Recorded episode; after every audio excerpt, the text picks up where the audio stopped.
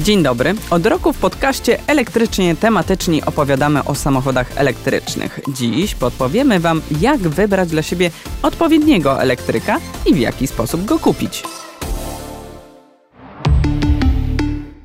Witajcie, to już 24 odcinek elektrycznie tematycznych podcastu napędzanego przez markę Volkswagen we współpracy z Inside Out Lab. Nazywam się Paweł Pilarczyk i jestem redaktorem naczelnym serwisu IT Business. A ja nazywam się Kasia Frendl i reprezentuję portal motoryzacyjny motokaina.pl. Dziś zajmiemy się tematem zakupu samochodu elektrycznego. Postaramy się odpowiedzieć na nurtujące wszystkich fanów elektryków pytania, na przykład na jakie parametry zwrócić uwagę, o co zapytać sprzedawcę, jak z nim negocjować, no i oczywiście jak sfinansować zakup auta. Zaprosiliśmy do rozmowy eksperta, szefa Kurus Cars, firmy zajmującej się doradztwem przy zakupie samochodów. Oto Michał Gruszczyk. Cześć.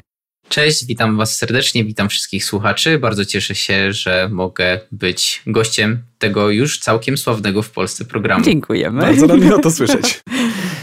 Z licznika elektromobilności PSPA wynika, że po polskich drogach poruszają się już 10 294 samochody elektryczne oraz 9377 samochodów typu PHEV, czyli hybrydy typu plug-in. To są dane ze stycznia 2021 roku. To oznacza, że coraz więcej Polaków decyduje się na zakup własnego auta na prąd. E, Michał, chcielibyśmy wspólnie z Tobą spróbować doradzić, jak przygotować się do takiego zakupu, na jakie cechy takich samochodów zwrócić uwagę, żeby potem to kupione auto sprawiało użytkownikowi tylko radość, a nie okazało się nie spełniać jego oczekiwań. Załóżmy na początek, że zapadła decyzja. Chcę kupić samochód elektryczny, Jakie powinienem w ogóle na początku zadać sobie pytania? E, czy jestem w ogóle gotów na taki samochód, czy elektryk w ogóle będzie dla mnie?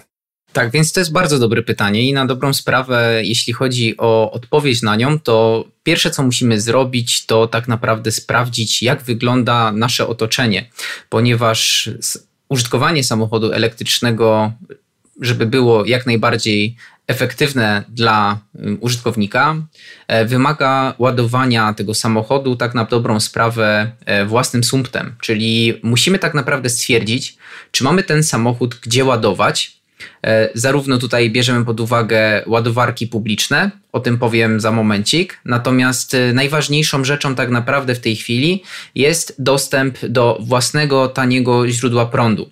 Jeśli e, mieszkamy w domu jednorodzinnym bądź mieszkamy na osiedlu, gdzie są już wyprowadzone gniazdka do ładowania samochodów, a to dzieje się już coraz częściej w nowym budownictwie, E, no to oczywiście posiadanie samochodu elektrycznego jest bardzo, bardzo wskazane.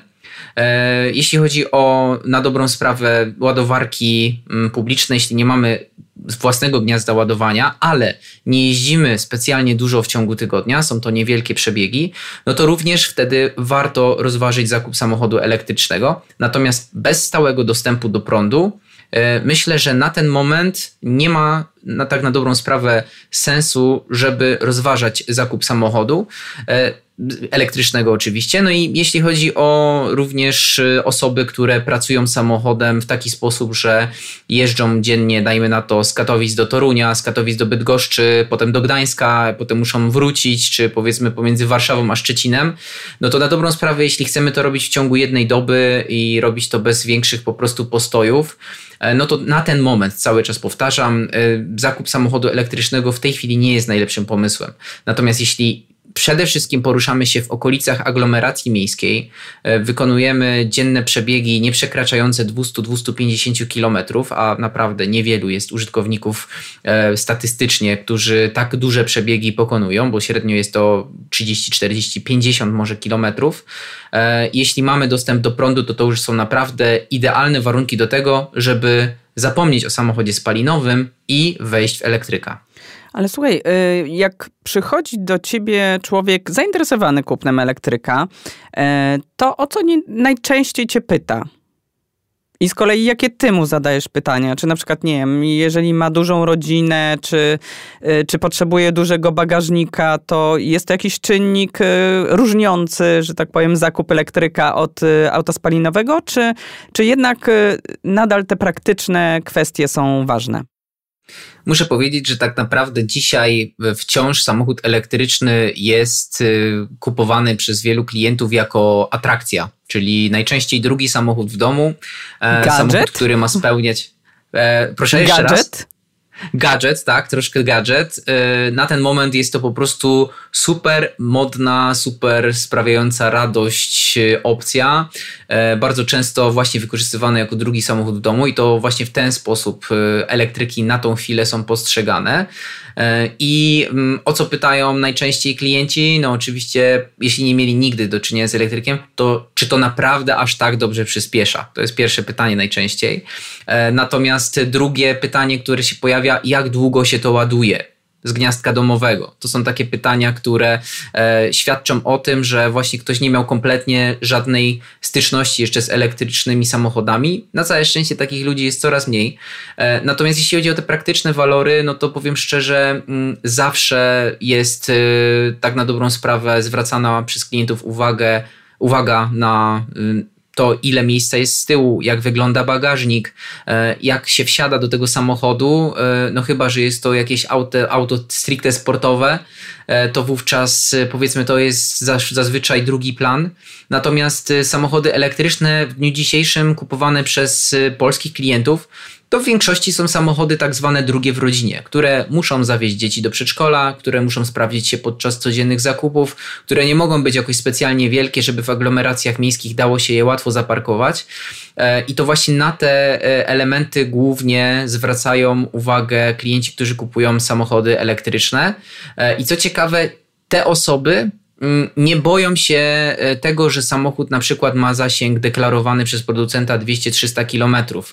To nie są klienci, którzy walczą o to, żeby auto miało 400, 500, 600 km. To jest zupełnie druga grupa klientów e, i to są klienci, którzy chcą używać samochodu elektrycznego na co dzień jako jedynego samochodu. I takich ludzi, co ciekawe, jest coraz więcej. Mnie to osobiście dziwiło jeszcze powiedzmy pół roku temu, kiedy miałem pierwsze zapytania o jeden, jedyny samochód w firmie, czy jeden, jedyny samochód w domu i to ma być elektryk e, bo myślałem, że to jeszcze jest długa, długa droga do tego, a teraz okazuje się, że już kilku moich klientów jeździ na co dzień samochodami elektrycznymi pracując pomiędzy dwoma dużymi miastami, załatwiając jeszcze wiele rzeczy w międzyczasie, robiąc 300-350 km dziennie, dają radę sobie ładować te samochody i tak naprawdę dla nich znowu ważne jest to, co normalnie jest e, ważne w trasie, czyli dobre wyciszenie, wysoki komfort, no i oczywiście odpowiednie parametry. Także skracając temat, e, można powiedzieć, że jeśli chodzi o te parametry, to w przypadku samochodów spalinowych i elektrycznych można powiedzieć, że te główne wątki są identyczne. Natomiast jeśli ktoś kupuje drugi samochód do domu, to najważniejsze jest to, żeby on się świetnie prezentował i był praktyczny, a jednocześnie miał całkiem niezły zasięg.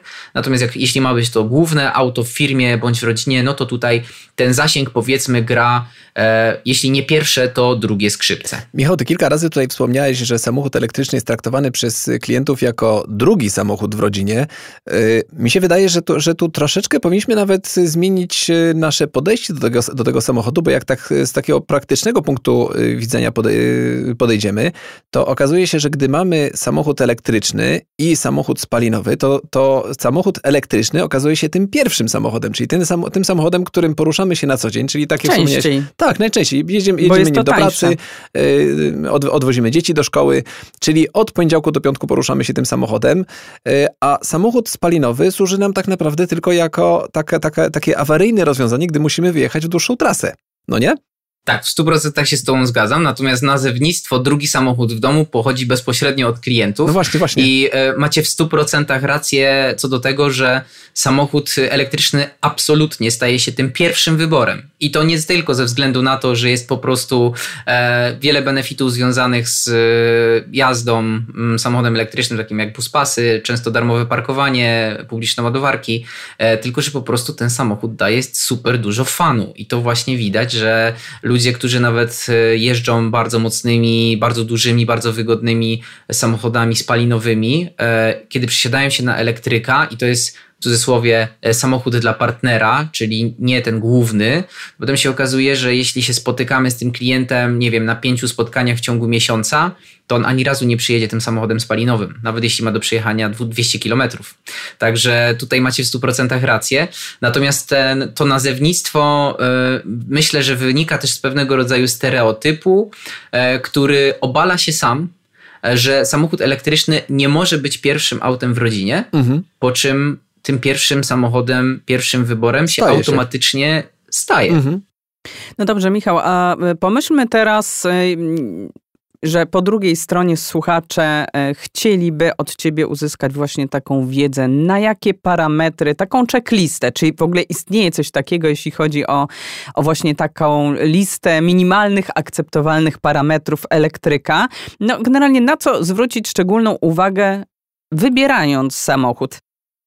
Tak, moim zdaniem jest taka checklista. Jest to oczywiście moja autorska checklista, natomiast to, na co warto zwracać uwagę przede wszystkim dzisiaj decydując się na samochód y, elektryczny, to przede wszystkim jest typ złącza ładowania.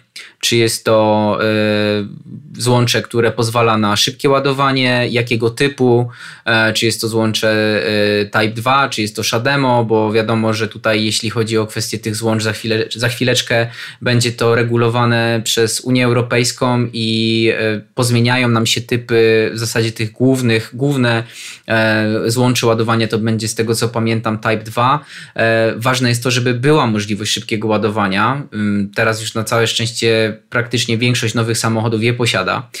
Druga rzecz to warto zapytać sprzedawcy w salonie, gdzie umiejscowione są baterie, czy one są umiejscowione w podłodze, czy są umiejscowione gdzieś tam troszeczkę wyżej, bo to też świadczy o tym, jakie będzie rozłożenie rozłożenie masy w tym aucie, jak ten samochód będzie się prowadził, bo jeśli baterie są w podłodze, to wiadomo, że środek ciężkości jest nisko, a przy tym, że samochody elektryczne są jednak nieco cięższe od y, spalinówek, to również warto zwrócić na to uwagę, chociaż nie jest to rzecz, y, o której e, statystyczny klient y, przychodzący do salonu w ogóle pomyśli, a ja myślę, że warto wziąć to pod uwagę.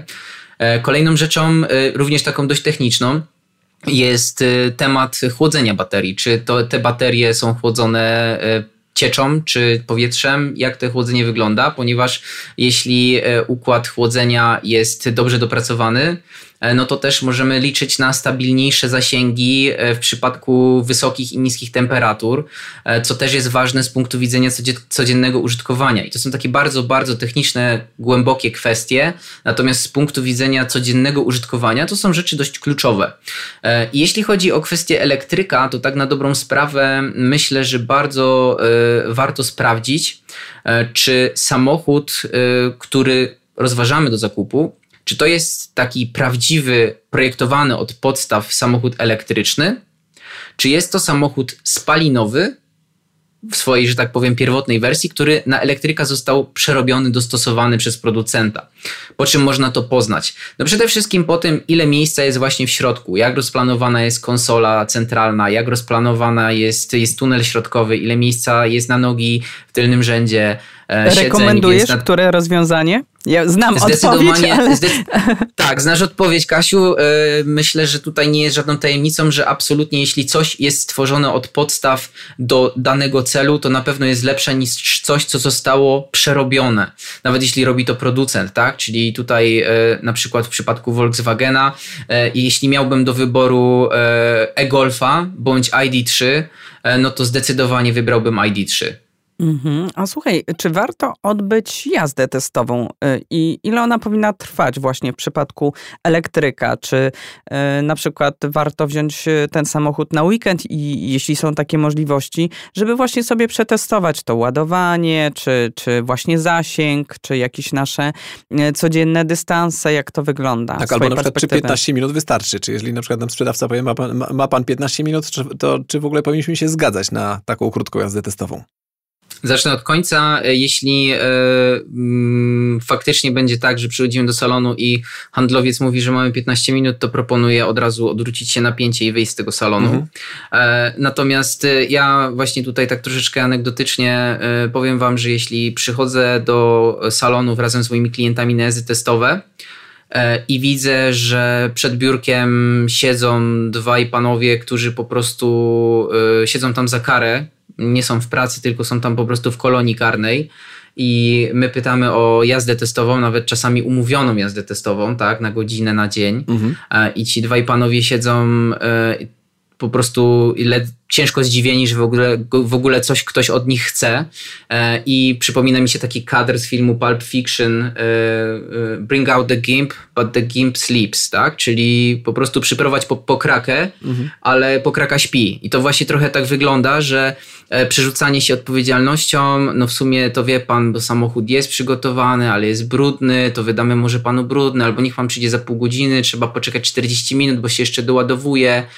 To są rzeczy, które już na dzień dobry bardzo często klientów zniechęcają, tak? Bo jeśli ja przychodzę i chcę dać szansę elektrykowi, bo dzisiaj niestety podejście konsumentów jest takie, że ja jeżdżę z palinówką, która jest ok, bo wiem jak działa, więc chcę dać szansę elektrykowi.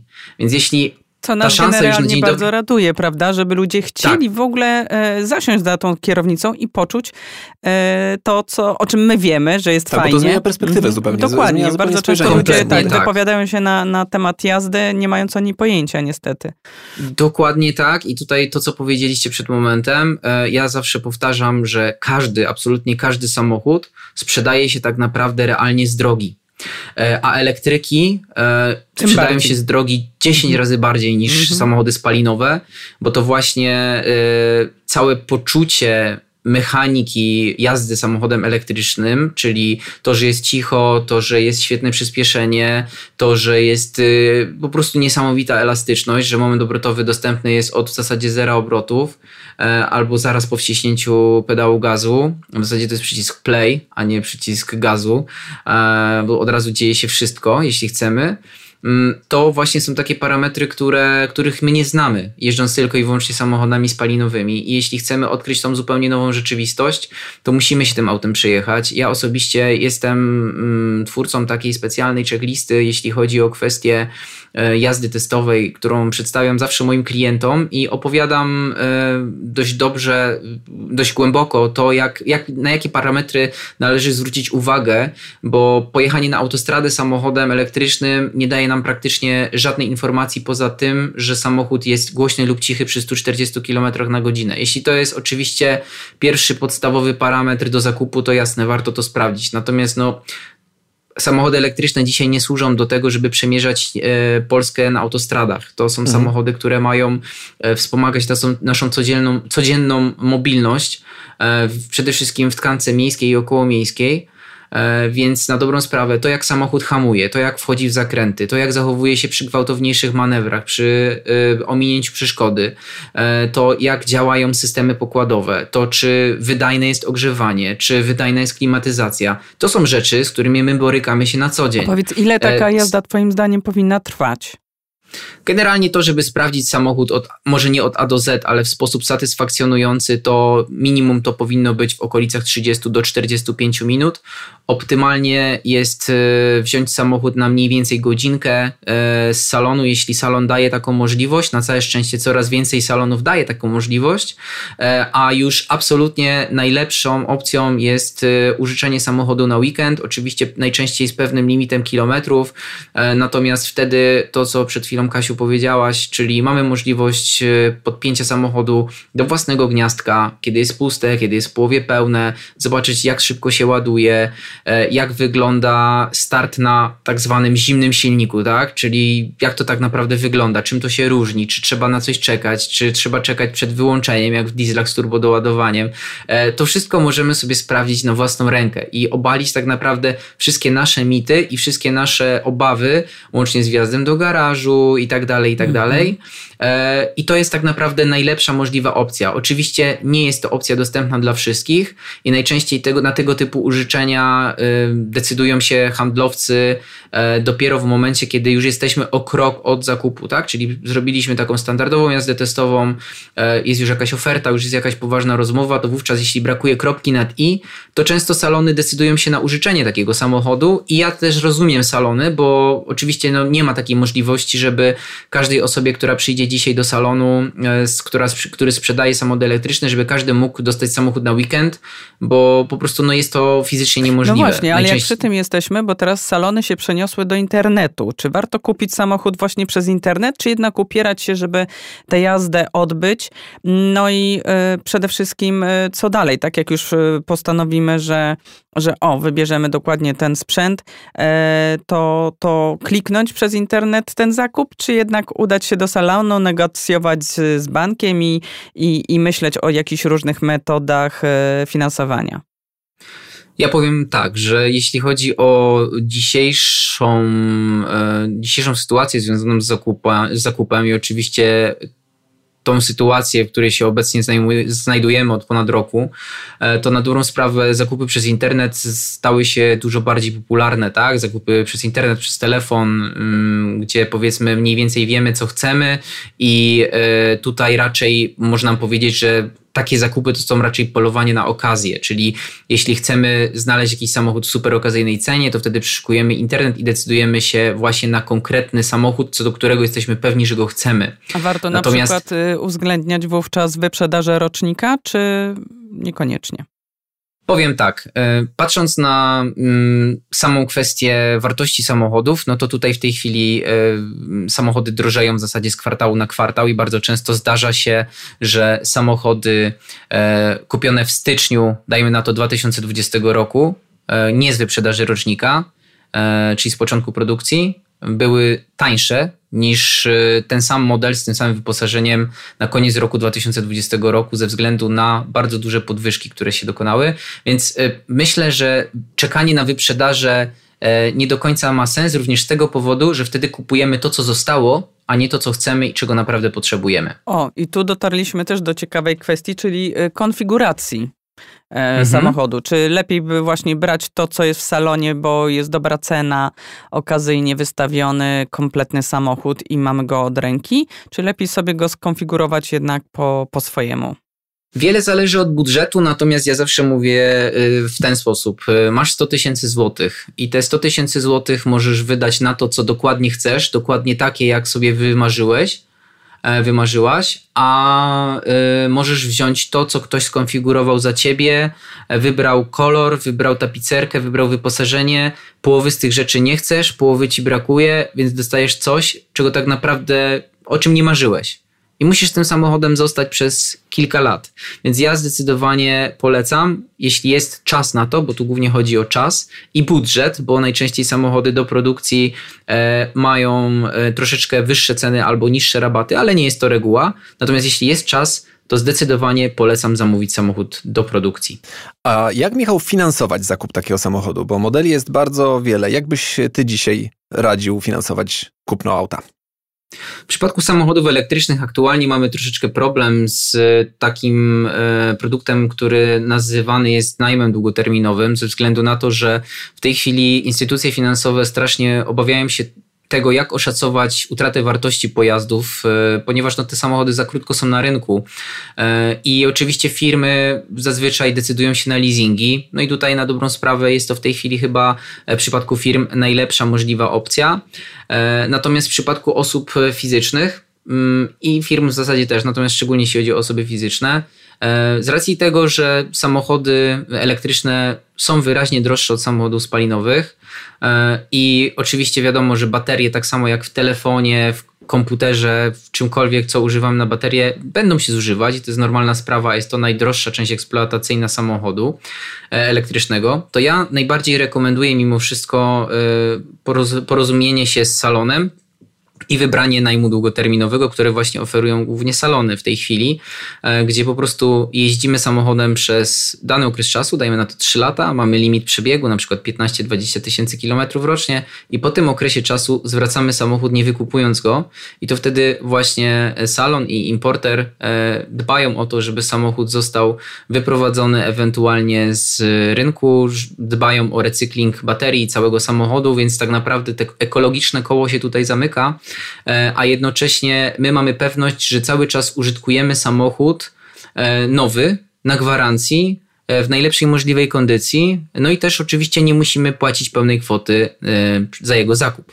Tutaj chyba y, warto wspomnieć, że każdy kupujący powinien sobie też policzyć te koszty zakupu, koszty rat y, najmu, ponieważ y, dla Polaków jest to trochę takie niestandardowe, nietypowe, żeby nie Nowe stawać się... po prostu jeszcze. Tak, tak, nowe, tak. nowe że, że nie stajemy się właścicielami tego samochodu, bo my jesteśmy przyzwyczajeni do tego, że my kupujemy samochód, potem to jest nasz samochód, potem możemy go sprzedać, a tutaj ten model, że musimy samochód oddać, mimo że płaciliśmy za niego przez 2 czy 3 lata yy, co miesiąc yy, raty, czy raty właśnie, koszt wynajmu tego samochodu, dla nas jest to nowe, ale jak się to dokładnie policzy i utratę wartości samochodu, czyli różnicę między ceną zakupu auta, a potem odsprzedaży tego e, samochodu, to okazuje się, że rzeczywiście ten, e, ten wynajem długoterminowy może się bardziej opłacać. Nie musi, ale może się bardziej opłacać, więc tak. każdy chyba powinien to sobie policzyć na własną rękę. Pamiętajmy, że ta e, wartość rezydualna już podjęło się kilka firm oceny tej wartości, jeśli chodzi o elektryki i wypada całkiem to dobrze. Tak bardzo właśnie nie tracą na wartości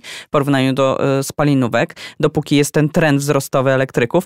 Natomiast y, Michał, a propos właśnie tego finansowania, jeszcze mam pytanie. Jeżeli decyduje się, załóżmy, na właśnie czy najem, czy, mm, czy, czy, czy, czy leasing, załóżmy, czy są takie oferty na rynku jakichś marek, które oferują na przykład darmowe ładowanie w, w cenie, załóżmy, takiego abonamentu miesięcznego, czy, czy można na tym jakoś skorzystać?